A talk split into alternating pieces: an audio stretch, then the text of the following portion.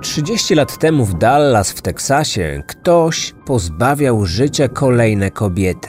Na mieszkańców miasta padł blady strach. Z pozoru ciała tych kobiet nie różniły się niczym od innych ofiar przestępstw, poza jednym szczegółem. Autopsja wykazała, że sprawca wycinał kobietom oczy. Kryminatorium. Otwieramy akta tajemnic. Pod koniec lat 80. ubiegłego wieku policjanci z miasta Dallas w Teksasie mieli pełne ręce roboty. Wzrost gospodarczy spowodował nagły przypływ imigrantów, głównie z Meksyku. Jako aglomeracja, Dallas znalazło się wówczas w pierwszej dziesiątce amerykańskich miast z największą liczbą ludności, choć w samym Teksasie zajmowało dopiero trzecią pozycję. Rozwój miał swoją gorzką cenę. Poprawianie się wskaźników ekonomicznych sprawiło, że miasto stało się jednym z najniebezpieczniejszych miejsc do zamieszkania w Ameryce. Kradzieże i rozboje były na porządku dziennym. Kwitł handel nielegalnymi substancjami. Prostytucja osiągnęła niespotykane wcześniej w Teksasie rozmiary – a co najgorsze, raporty FBI wskazywały, że pod względem liczby dokonywanych zabójstw Dallas wyprzedziło takie miasta jak Los Angeles, Nowy Jork, Chicago i Cleveland, które niemal od zawsze przodowały w tych ponurych statystykach. A z każdym kolejnym kwartałem sytuacja tylko się pogarszała. W roku 90 policja w Dallas odnotowała ponad 700 zabójstw, które policja określała jako dokonane z premedytacją. Oznaczało to, że każdego dnia na swojego zabójcę trafiały co najmniej dwie osoby. Tak źle w Teksasie nie było jeszcze nigdy wcześniej. Aby uzmysłowić sobie skalę tej statystyki, dla porównania warto wspomnieć, że od 15 lat liczba zabójstw nie przekracza w tym mieście 200 rocznie. Nic więc dziwnego, że pod koniec 90 roku policjanci patrolujący najniebezpieczniejsze zakamarki Dallas każdego dnia wyjeżdżali na ulicę nie z myślą, czy na swojej zmianie natrafią na porzucone zwłoki, ale kiedy je w końcu znajdą. Niektórzy z nich nazywali nawet swoje miasto teksańskim Gotham, nawiązując w ten sposób do metropolii z komiksów o Batmanie. O ile jednak policjanci byli przyzwyczajeni do widoku martwych ciał, to zwykli mieszkańcy już znacznie mniej. A to głównie oni dokonywali tych przerażających odkryć. Dorośli, bardziej lub mniej, jeszcze sobie jakoś z tym radzili – ale czasami na porzucone zwłoki natrafiały także bawiące się gdzieś w zakamarkach dzieci. I to właśnie one w czwartek 13 grudnia 90 roku w dzielnicy Oak Cliff znalazły półnagie ciało kobiety. Były naprawdę przerażone. Początkowo myślały, że na ulicy leżał jakiś poplamiony farbą manekin wyrzucony z jakiegoś osiedlowego sklepiku z używaną odzieżą. Chcąc się nim pobawić, podeszły bliżej i zaczęły go ciągnąć za nogi. Wtedy okazało się, że nie był to manekin, ale ciemnowłosa biała kobieta leżąca na plecach. Jej twarz pokrywała nie czerwona farba, ale zaschnięta krew. O tym makabrycznym znalezisku powiadomiły rodziców, a ci policję. Zwłoki zostały zabrane i przewiezione do biura koronera. Już podczas pierwszych oględzin na miejscu znaleziono puste opakowanie po prezerwatywie w kolorze czerwonym. Zauważono także, że ofiara miała z tyłu głowy dziurę po kuli. To, że doszło do zabójstwa, nie pozostawiało żadnych wątpliwości. Na detektywie, który zajmował się sprawą, Johnie Westfalenie, nie zrobiło to żadnego wrażenia. Podobnie jak to, że kobietę szybko zidentyfikowano jako 33-letnią prostytutkę Mary Lou Pratt. Pierwszą rzeczą, o jakiej pomyślał wtedy detektyw, było to, że będzie to kolejne tego typu śledztwo. Prostytutki, jak mało kto, narażone były przecież na podobne ryzyko. Zabójcą okaże się jej Alfons albo ewentualnie jakiś klient bardzo niezadowolony z jakości usług lub zbyt wygórowanej ceny. W swojej policyjnej karierze przerabiał to już dziesiątki razy, może nawet setki, sam już nie liczył. Nie było świadków zabójstwa, nie było żadnych śladów czy odcisków palców. Brakowało narzędzia zbrodni. Sprawcą mógł być praktycznie każdy. Nic nowego. Ostatecznie, gdyby nie udało się znaleźć zabójcy, przypadek trafi do szuflady z napisem niewyjaśnione. Kolejna martwa kobieta, którą miasto będzie musiało pochować na koszt podatnika. Kobieta, o którą nikt nie zapyta i nikt nigdy nie odwiedzi jej grobu.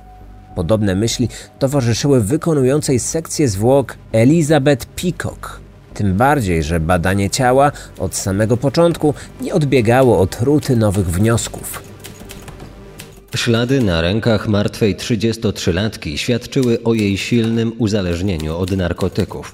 Została postrzelona z bliskiej odległości rewolwerem kalibru 44. Rozległe siniaki na jej twarzy i klatce piersiowej wskazywały na to, że ofiara przed śmiercią została dotkliwie pobita. Żadna z tych rzeczy nie była nowością, a cała autopsja nie różniła się od kilku setek poprzednich sekcji zwłok, które ta lekarka medycyny sądowej przeprowadziła w swojej karierze. Kolejny standard. Przyczyna śmierci postrzał w głowę. Sprawa jakich wiele. Po zakończonej pracy dr Peacock wzięła się więc za sporządzenie raportu z sekcji. Wypełniając odpowiedni formularz, zaznaczyła znakiem X odpowiednie pola poświęcone dokładnemu opisowi wyglądu ofiary: wzrost, waga, płeć, rasa, kolor włosów. Dochodząc do rubryki podpisanej jako kolor oczu, lekarka zatrzymała się i uśmiechnęła sama do siebie. Zapomniała tego sprawdzić. Wróciła więc do stołu sekcyjnego. Pochyliła się nad głową ofiary. Podniosła do góry powiekę jej lewego oka i oniemiała. Pomyślała, że to dziwne. Podniosła więc drugą, prawą. To samo. Lekarka pokręciła głową z niedowierzaniem i ponownie podniosła lewą powiekę. Nie, nie przewidziało jej się. Spoglądając na rubrykę, wiedziała już, że nie będzie mogła zaznaczyć odpowiedniego koloru oczu, bo Mary nie miała oczu. Zniknęły. Ktoś je wyciął. Ofiara nie miała obu gałek ocznych, ani żadnej tkanki dookoła. Nic. Jej oczy nie zostały jednak wydłubane w przypływie nagłej agresji. Sprawca wyciął je ostrożnie, prawdopodobnie za pomocą specjalistycznego, chirurgicznego ostrza. Ktokolwiek to zrobił, musiał posiadać fachową wiedzę w tym temacie. Przecież takich rzeczy nie uczą nawet w szkołach medycznych. Choć może to brzmieć nieco makabrycznie, policjanci uznali, że ofiara miała duże szczęście w nieszczęściu, ponieważ jej oczy zostały wycięte już po śmierci. Założono więc, że dokonał tego sprawca zabójstwa. Ale kim on był? Lekarzem? Okulistą? Chirurgiem? Musiał przecież posiadać nie tylko specjalistyczną wiedzę, ale i odpowiednie umiejętności. Badanie wykazało, że wysunął ostrze i ciął nim dookoła oczu, nie naruszając przy tym skóry. Precyzyjnie przeciął wszystkie sześć głównych mięśni, trzymając gałkę oczną w oczodole oraz nerw wzrokowy, przy czym ani górna, ani dolna powieka nie zostały w ogóle naruszone. O wynikach badań powiadomiono detektywa Westfalena. Był zaskoczony tym, co usłyszał.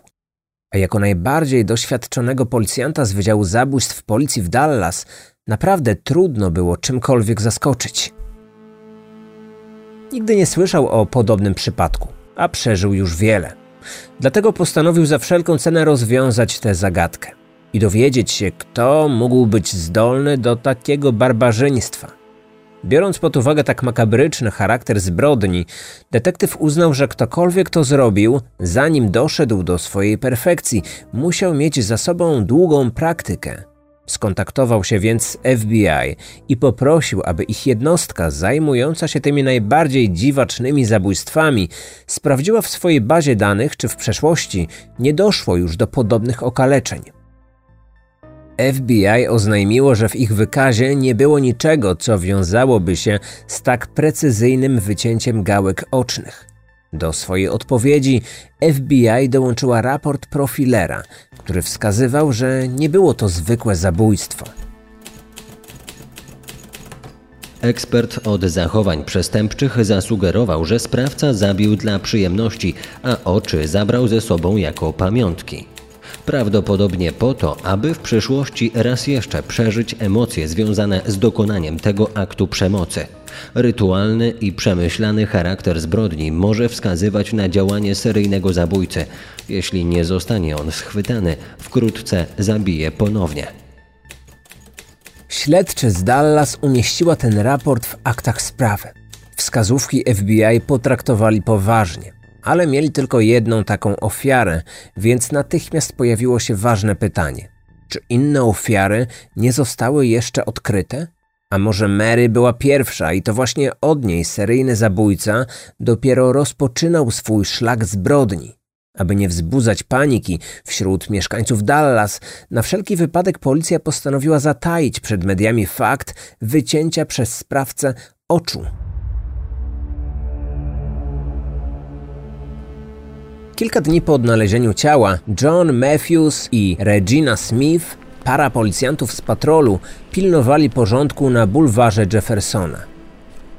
Była to ulubiona ulica miejscowych pań do towarzystwa. W pewnym momencie radiowóz zatrzymała dobrze im znana prostytutka, 26-letnia Weronika Rodriguez. Kobieta twierdziła, że w noc, kiedy zginęła Mary, była naocznym świadkiem jej zabójstwa. Opowiedziała policjantom historię o tym, jak pewien mężczyzna w średnim wieku zabrał je obie, aby uprawiały z nim seks w trójkącie. Zawiózł je w ustronne miejsce, a następnie skorzystał z ich usługi. Gdy było już po wszystkim, człowiek ten odszedł na bok z Mary, aby porozmawiać. Po chwili zaczęli się kłócić. Wtedy on wyjął pistolet i strzelił jej w głowę. Weronika przerażona zaczęła uciekać. Na szczęście w okolicy mieszkał jej znajomy, więc wbiegła do jego domu i tym sposobem uratowała życie.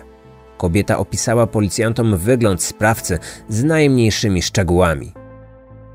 Podejrzany był wyraźnie po pięćdziesiątce. Był biały i mówił z mocnym teksańskim akcentem, więc na pewno był stąd. Miał mocno siwiejące włosy, które opisała jako mieszanka soli z pieprzem. Na twarzy nosił lekki wąsik i o połowę krótszy zarost na brodzie. Jeździł starym brązowym pick-upem. W normalnych okolicznościach takie zeznanie mogłoby się okazać przełomowe i pchnąć śledztwo do przodu. Ale Weronika znana była policjantom jako notoryczna kłamczucha. Ciągle opowiadała wszystkim nieprawdopodobne historie na swój temat. Nawet o tym, że została porwana przez kosmitów. A co więcej, z powodu swojego silnego uzależnienia od narkotyków i spowodowanych nimi halucynacjami, miała w swoim środowisku opinię dziewczyny z usmażonym mózgiem. Policjanci postanowili mimo wszystko powiadomić o tym zgłoszeniu w Wydział Zabójstw. Dwa dni później ten sam patrol znów zobaczył na ulicy Weronikę. Siedziała z jakimś facetem w jego samochodzie. Funkcjonariusz Matthews spostrzegł, że zarówno auto, jak i sam wygląd mężczyzny niemal idealnie pasowały do opisu sprawcy, jaki wcześniej otrzymał od 26-letniej prostytutki, rzekomo kontaktującej się z UFO. Czyżby kobieta tym razem mówiła prawdę, a teraz ponownie trafiła na zabójcę Mary? Postanowił to sprawdzić. Jednak gdy tylko wyciągnął ją z samochodu, a kierowcę poprosił o dokumenty, Weronika zaczęła krzyczeć, żeby nie dokonywał aresztowania, ponieważ ten człowiek jest jej przyjacielem. I to właśnie on uratował ją przed mordercą. Mężczyzna z pick-upa pokazał swoje prawo jazdy. Nazywał się Exton Schindler i mieszkał w pobliżu miejsca znalezienia ciała. Policjant spisał z dokumentu jego adres – 1035 Eldorado Avenue. Był czysty, nie licząc kilku niezapłaconych mandatów. Twierdził, że choć od dawna znał Weronikę, nigdy przed nikim jej nie ratował i nigdy nie korzystał z jej usług, a jedynie od czasu do czasu pomagał tym biednym dziewczynom, przywożąc obiady lub podwożąc do motelu. Nie wierząc w to, że może on być poszukiwanym zabójcą, policjant przekazał jego nazwisko śledczym z Wydziału Zabójstw. Choć nikt nie zdawał sobie wtedy z tego sprawy, był to bardzo ważny trop. Jednak kartka z tą informacją nigdy nie dotarła do detektywa prowadzącego śledztwo. Po dwóch miesiącach sprawa utknęła w martwym punkcie. Z czasem policjanci przestali wierzyć, że śmierć uzależnionej od narkotyków kobiety była dziełem seryjnego zabójcy. I tak było aż do 10 lutego następnego roku. Tego dnia odnaleziono półnagie ciało innej kobiety lekkich obyczajów. 27-letnia Susan Peterson także była narkomanką i podobnie jak wcześniej Mary została postrzelona w głowę z bliskiej odległości. Dodatkowo miała przestrzelony brzuch i klatkę piersiową. Jednak w przeciwieństwie do niej, jej zwłoki zostały podrzucone nie w centrum, ale w południowej części Dallas. Przy jej ciele zabójca pozostawił puste opakowanie czerwonych prezerwatyw. Było jeszcze jedno podobieństwo do poprzedniej ofiary. Susan także nie miała obu oczu, które sprawca precyzyjnie wyciął chirurgicznym skalpelem. Okazało się, że raport FBI się nie mylił.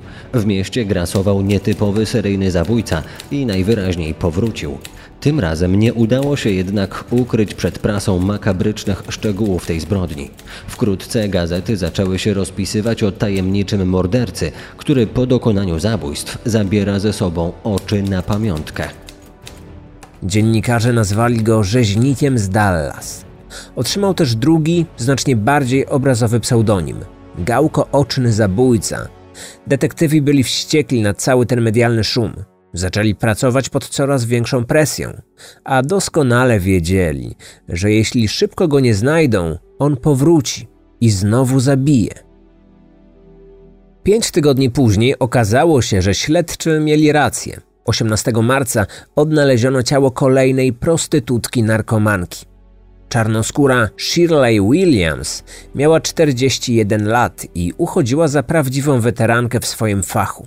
A do tego, z powodu swojej wcześniejszej służby w piechocie morskiej, za prawdziwą twardzielkę. Z klientami spotykała się wyłącznie na swoich własnych zasadach.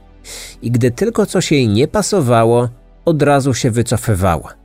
Mało tego, gdy tylko dochodziło do jakiegoś konfliktu z klientem, to ona biła natarczywych mężczyzn, a nie odwrotnie, jak to miało miejsce u jej koleżanek z ulicy. Shirley została postrzelona w twarz, a jej nagie zwłoki sprawca podrzucił niemal pod samą szkołę podstawową w Oak Cliff. I ponownie przy zwłokach leżała pusta paczka czerwonych prezerwatyw. Gdy na miejsce zbrodni przyjechał detektyw, Pierwsze pytanie, jakie zadał, brzmiało: Czy ona ma oczy? Odpowiedź wcale go nie zaskoczyła. Nie miała. Świadkowie widzieli ją, jak poprzedniego wieczoru zażywała narkotyki na chodniku. Później z budki telefonicznej zadzwoniła do swojej córki, informując ją, że wróci na noc do domu. W tym czasie mocno padało, więc miała na sobie żółty płaszcz przeciwdeszczowy. Około godziny 23 wsiadła do brązowego pick-upa i odjechała. Od tego czasu nikt jej więcej nie widział. Wkrótce znalazł się kolejny świadek. Prostytutka o imieniu Brenda zeznała, że tej samej nocy została zaatakowana przez jednego ze swoich klientów. Opisała tego mężczyznę jako pięćdziesięciolatka z niewielkim wąsem w brązowym pick-upie, z włosami w kolorze soli i pieprzu. Dodatkowo znała miejsce, do którego zamordowana Shirley zwykle zabierała swoich klientów. Było to opuszczone pole na obrzeżach miasta. Zabrała tam detektywów. Na miejscu śledczy odnaleźli żółty płaszcz przeciwdeszczowy należący do trzeciej ofiary.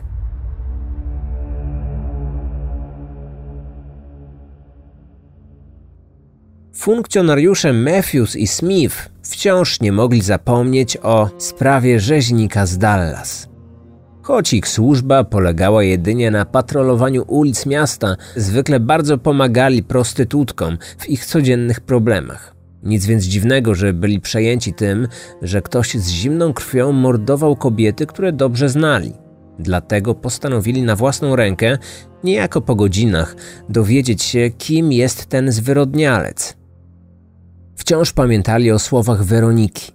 Na początku w ogóle jej nie wierzyli, ale teraz policjanci zaczęli zastanawiać się, czy choć część jej niewiarygodnych zeznań mogła zawierać w sobie jakieś ziarno prawdy. Pamiętali adres mężczyzny, z którym ją widzieli. Choć jego opis pasował do podejrzanego, dziewczyna twierdziła, że to właśnie on ją uratował przed zabójcą. Postanowili sprawdzić miejsce jego zamieszkania. Dom o numerze 1035 na Alei Eldorado nie należał jednak do Schindlera. On go tylko wynajmował. Rzeczywistym właścicielem, podobnie jak kilku innych domów w Dallas, był niejaki Fred Albright. Wszystkie te nieruchomości mieściły się blisko miejsc, w których odnaleziono zwłoki kobiet. Był tylko jeden problem. Okazało się, że Fred nie żył i to od dobrych kilku lat. O swoich odkryciach funkcjonariusze z patrolu postanowili poinformować śledczych z Wydziału Zabójstw, ale tym razem zrobili to osobiście. Po wysłuchaniu ich relacji detektyw Westphalen czuł, że może to być ważny trop. Był przekonany, że gdzieś już słyszał nazwisko Albright. Nagle sobie przypomniał. Kilka tygodni wcześniej odebrał telefon od pewnej kobiety, która nie chciała się przedstawić. Twierdziła, że była przyjaciółką pierwszej z zabitych prostytutek i to właśnie dzięki niej poznała żona tego mężczyznę, z którym kilka razy się umówiła. Był miłym gościem, inteligentnym i oczytanym, a mimo to po pewnym czasie zerwała z nim znajomość. Powodem była jej nagła obawa o własne bezpieczeństwo. Odkryła na strychu w jego domu pokaźną kolekcję noży i skalpeli. Znalazła coś jeszcze – dużą kolekcję różnych magazynów. Wszystkie modelki na ich okładkach miały powycinane oczy. Nagle dotarło do niej, że jego ciągłe gadanie o kobiecych oczach było jakąś niezdrową obsesją, która przypominała jej o tym, co tajemniczy zabójca zrobił jej przyjaciółce. Zanim się rozłączyła, podała detektywowi jego nazwisko. Mężczyzna ten nazywał się Charles Albright. Śledczy postanowili sprawdzić tego człowieka. Okazało się, że był on synem Freda, o którym wspomnieli funkcjonariusze z patrolu. Z jakiegoś powodu właścicielem wszystkich jego domów nadal pozostawał jego zmarły ojciec. Po wpisaniu do policyjnej bazy danych adresu sprawa jazdy Aleja Eldorado 1035 na ekranie monitora wyskoczyło znane już policjantom imię i nazwisko Charles Albright. Schindler zeznał wtedy, że podał adres wynajętego domu, ponieważ chciał chronić swoją prywatność. Wtedy śledczy skreślili go z listy podejrzanych. Mieli innego, ale najpierw postanowili dowiedzieć się o nim czegoś więcej. Kolejne wskazówki dostarczyła im historia jego życia. Charles Frederick Albright urodził się w roku 1933 w Teksasie. Był adoptowanym dziecka Freda i Bell. Dość majętnych ludzi, którzy starali się zapewnić swojemu synowi najlepsze wychowanie.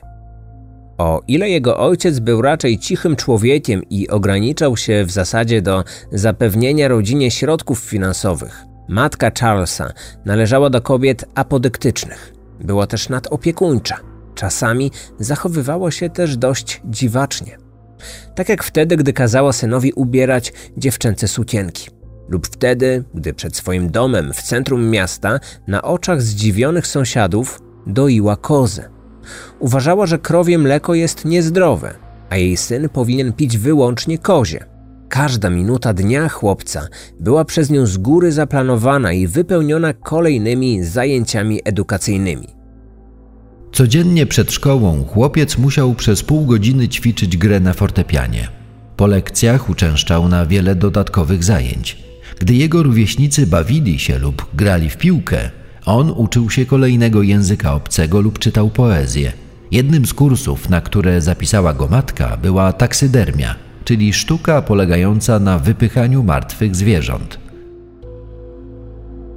Charles przejawiał ogromny talent w tej dziedzinie.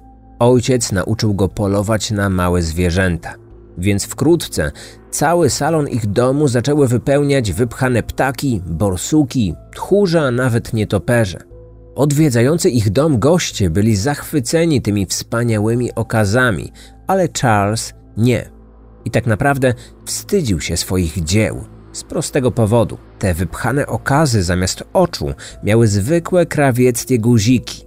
Jego matka była osobą bardzo oszczędną. Uważała, że sztuczne szklane oczy, które można było kupić w sklepie hobbystycznym, były stanowczo za drogie. Dlatego zmuszała syna, aby zamiast nich używał guzików. Policjanci zaczęli zastanawiać się, czy to aby przypadkiem z tego nie wzięła się obsesja zabójcy na punkcie oczu, jako zakazanego owocu, czegoś, co zawsze chciał mieć, ale nie mógł. Czy dlatego postanowił zabierać swoim ofiarom oczy, aby w końcu miał coś, czego zawsze mu brakowało? Dalsza historia tego mężczyzny była nie mniej niepokojąca. Od najmłodszych lat wchodził on w konflikty z prawem. Gdy miał 13 lat, został aresztowany za napad rabunkowy. Wtedy jeszcze mu się upiekło, ale 3 lata później za napad z bronią w ręku trafił na rok do więzienia. Po wyjściu na wolność rozpoczął naukę w stanowej szkole medycznej. Chciał zostać chirurgiem, ale po kolejnej kradzieży został wyrzucony ze szkoły. Dzięki swojej matce miał wiele umiejętności. Grał na kilku instrumentach. Znał kilka języków, pisał poezję i fotografował. Uprawiał kilka dyscyplin, a mimo to wciąż nie mógł znaleźć dla siebie odpowiedniego zajęcia. W latach 70. znalazł swoją pracę marzeń. Został nauczycielem w liceum. Jednocześnie trenował szkolną drużynę softballu. Po dwóch latach wyszło na jaw, że osobiście sfałszował wszystkie swoje certyfikaty, które pozwalały mu na podjęcie pracy jako pedagog. Szkoła w obawie przed skandalem uciszyła sprawę, a Charles został natychmiast wyrzucony. W tym okresie rozwiodła się z nim żona, którą poślubił 9 lat wcześniej. Po rozstaniu z nią postanowił zostać przykładnym obywatelem. Czytał Biblię w kościele. Brał udział w zbiórkach na cele charytatywne. Zaprzyjaźnił się ze swoimi sąsiadami, dla których szybko stał się wzorem do naśladowania. Inni mężczyźni widzieli w nim prawdziwego przyjaciela, kompana do grilla, wspólnych polowań i grania w softball.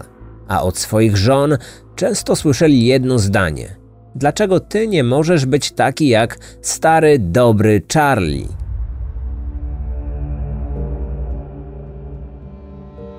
Wszystko zmieniło się w roku 81, kiedy 48-letni mężczyzna został oskarżony o włamanie do domu swoich najbliższych sąsiadów i molestowanie ich 14-letniej córki.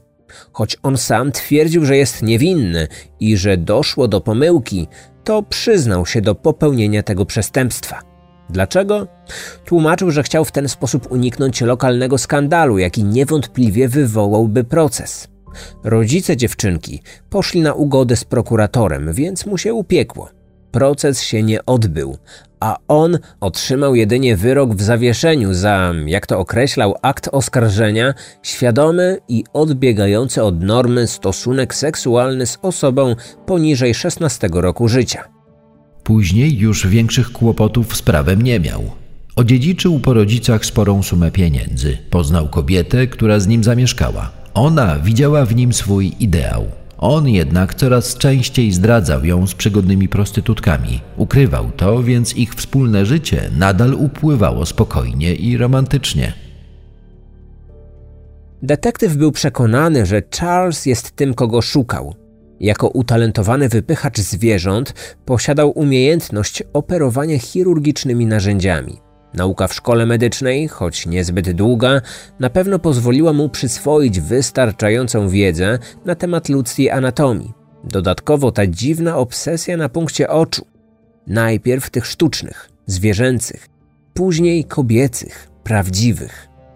Śledczy nie mieli jednak dowodu, poza niezbyt wiarygodnymi zeznaniami prostytutki.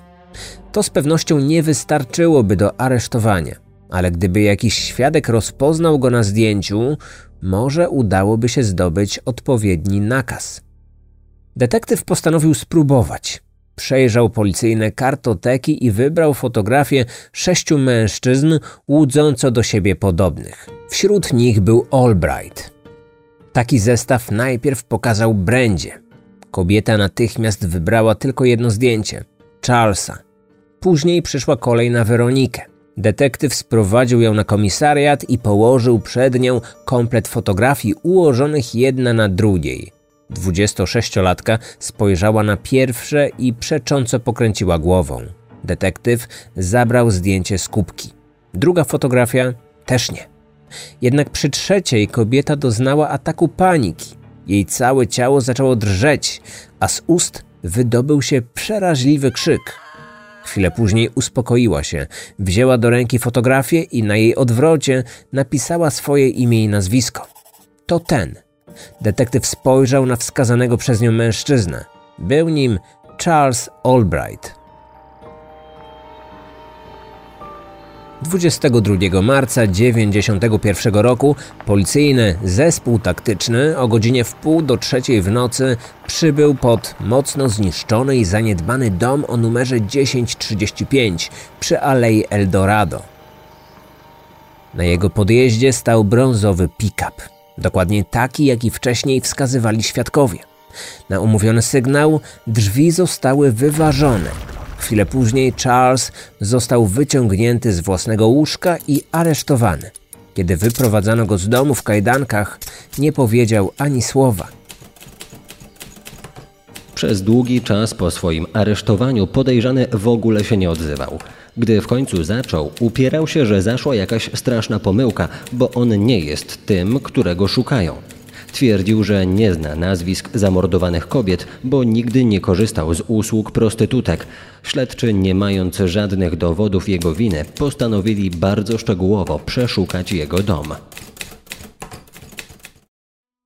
I nie znaleźli niczego, co mogłoby powiązać podejrzanego z zabójstwami. Przeszukali więc całą posiadłość drugi raz, potem trzeci, dalej nic. O pomoc poproszono FBI, Agenci federalni przybyli z własnym specjalistycznym sprzętem. Zaawansowane technicznie urządzenie mogło nawet prześwietlać ściany. Nic. Po szóstym przeszukaniu zrezygnowano z dalszych rewizji. Znaleziono co prawda wiele interesujących przedmiotów, takich jak duża kolekcja noży i skalpeli, kilkadziesiąt książek true crime o seryjnych zabójcach, kilka sztuk nienaruszonych opakowań prezerwatyw w kolorze czerwonym. Dokładnie tych samych, jakie wcześniej odkryto na miejscach zbrodni. W jednej z komód znajdowało się kilkanaście pistoletów i karabinów, na które Charles miał pozwolenie jako myśliwy, ale nie znaleziono dowodów jego winy. Nie było narzędzia zbrodni, nie było śladów krwi, nie było rzeczy należących do ofiar. To były jedynie poszlaki, pozwalające przypuszczać, że aresztowaliśmy rzeźnika z Dallas. Nie mieliśmy jednak mocnych dowodów, które pozwoliłyby go skazać. Wtedy postanowiliśmy jeszcze raz przyjrzeć się wszystkim włosom, jakie znaleźliśmy zarówno na ciałach ofiary, jak i w domu podejrzanego. I wtedy okazało się, że tych włosów było całkiem sporo. W odkurzaczu wciąż było osiem włosów z głowy trzeciej ofiary. Na jej żółtym płaszczu przeciwdeszczowym, znalezionym w miejscu, gdzie została zabita, znajdowało się sześć włosów z jej głowy oraz trzy włosy łonowe należące do Charlesa. Ale to nie wszystko. Jego włosy łonowe pasowały również do tych zdjętych z szyi kobiety. Włosy z jego głowy leżały także na jej twarzy i plecach. Trzy włosy z głowy drugiej ofiary znaleziono na kocu w samochodzie podejrzanego, podobnie jak cztery włosy ofiary numer jeden. W badanych próbkach nie stwierdzono przy tym obecności włosów żadnych innych osób trzecich. Dodatkowo trafiono na coś dziwnego, co dowodziło, że podejrzany był na miejscu zabójstwa ostatniej zamordowanej kobiety. Zarówno na jej porzuconym żółtym płaszczu, jak i w jego odkurzaczu trafiono na sierść wiewiórki. Detektywi stwierdzili, że był tylko jeden sposób, aby to wytłumaczyć. Napisał o tym w swojej książce zatytułowanej The Eyeball Killer John Matthews, czyli policjant z ulicznego patrolu w Dallas, który aktywnie brał udział w znalezieniu sprawcy. Na myśl przychodziło tylko jedno wytłumaczenie. Ofiara zabrała podejrzanego w odludne miejsce, tam uprawiali seks. Ona zrzuciła swój płaszcz na ziemię, on zrobił to samo ze swoją kurtką. Gdy ich odzież znalazła się razem, a oni zajęci byli sobą, w tym samym czasie jakaś wiewiórka biegała po ich ubraniach i zostawiła na nich swoją sierść. Już po dokonaniu zabójstwa rzeźnik z Dallas wziął swoją kurtkę, a płaszcz zostawił, nieświadomy, że właśnie zabrał ze sobą kilka pojedynczych włosów z ogona wiewiórki. Później rzucił tę kurtkę bezwładnie na podłogę w domu. Może w salonie, może w sypialni. To nieistotne. Po jakimś czasie podczas sprzątania wciągnął sierść do worka w odkurzaczu, skąd ostatecznie wyjęli ją policyjni technicy. Tym oto sposobem jedno z tych małych zwierzątek, które tak bardzo lubił zabijać i wypychać, mogło teraz zaważyć na jego przyszłości. Na to przynajmniej liczył prokurator.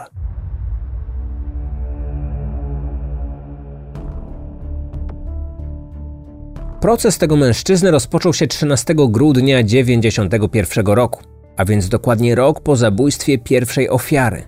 Początkowo wydawało się, że wszystko szło po myśli jego obrońców.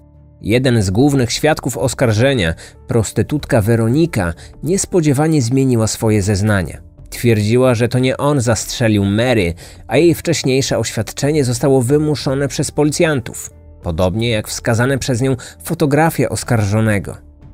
Jednak analizy znalezionych włosów zostały przygotowane przez biegłych tak szczegółowo, że ich wyniki przekonały ławę przysięgłych. Już po pięciu dniach od rozpoczęcia procesu ogłosili swój werdykt. Byliśmy bardzo zdenerwowani, czekając na ten werdykt. Wszyscy zdawaliśmy sobie sprawę, że nie mieliśmy niepodważalnych dowodów ale na nasze szczęście członkowie ławy przysięgłych uznali, że zebrane przez nas poszlaki były wystarczająco mocne, aby jednomyślnie zdecydować o winie oskarżonego.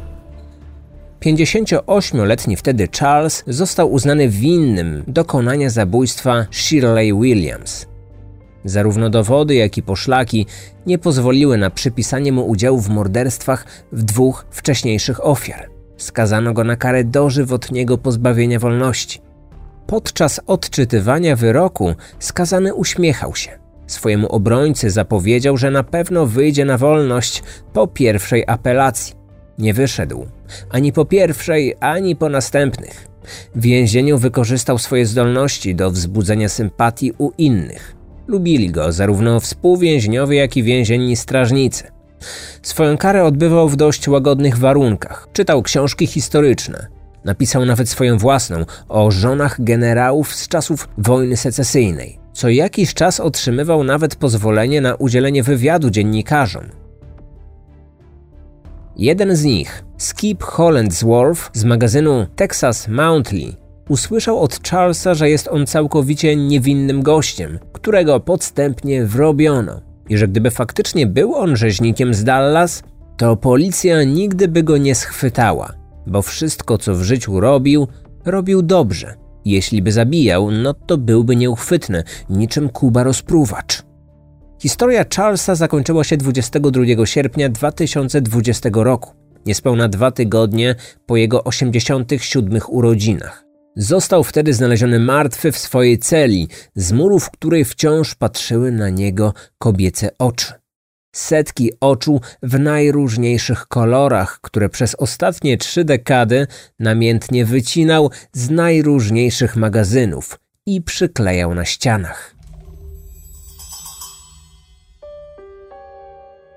Odcinek powstał na podstawie książki The Eyeball Killer emerytowanego policjanta, który brał czynny udział w pościgu za rzeźnikiem z Dallas. Wykorzystano również artykuł Catherine Ramsland i Jeanny Malatesty, reportaż dziennikarza Skipa Hollandwortha z magazynu Texas Monthly oraz informacje zawarte w dzienniku Daily Star.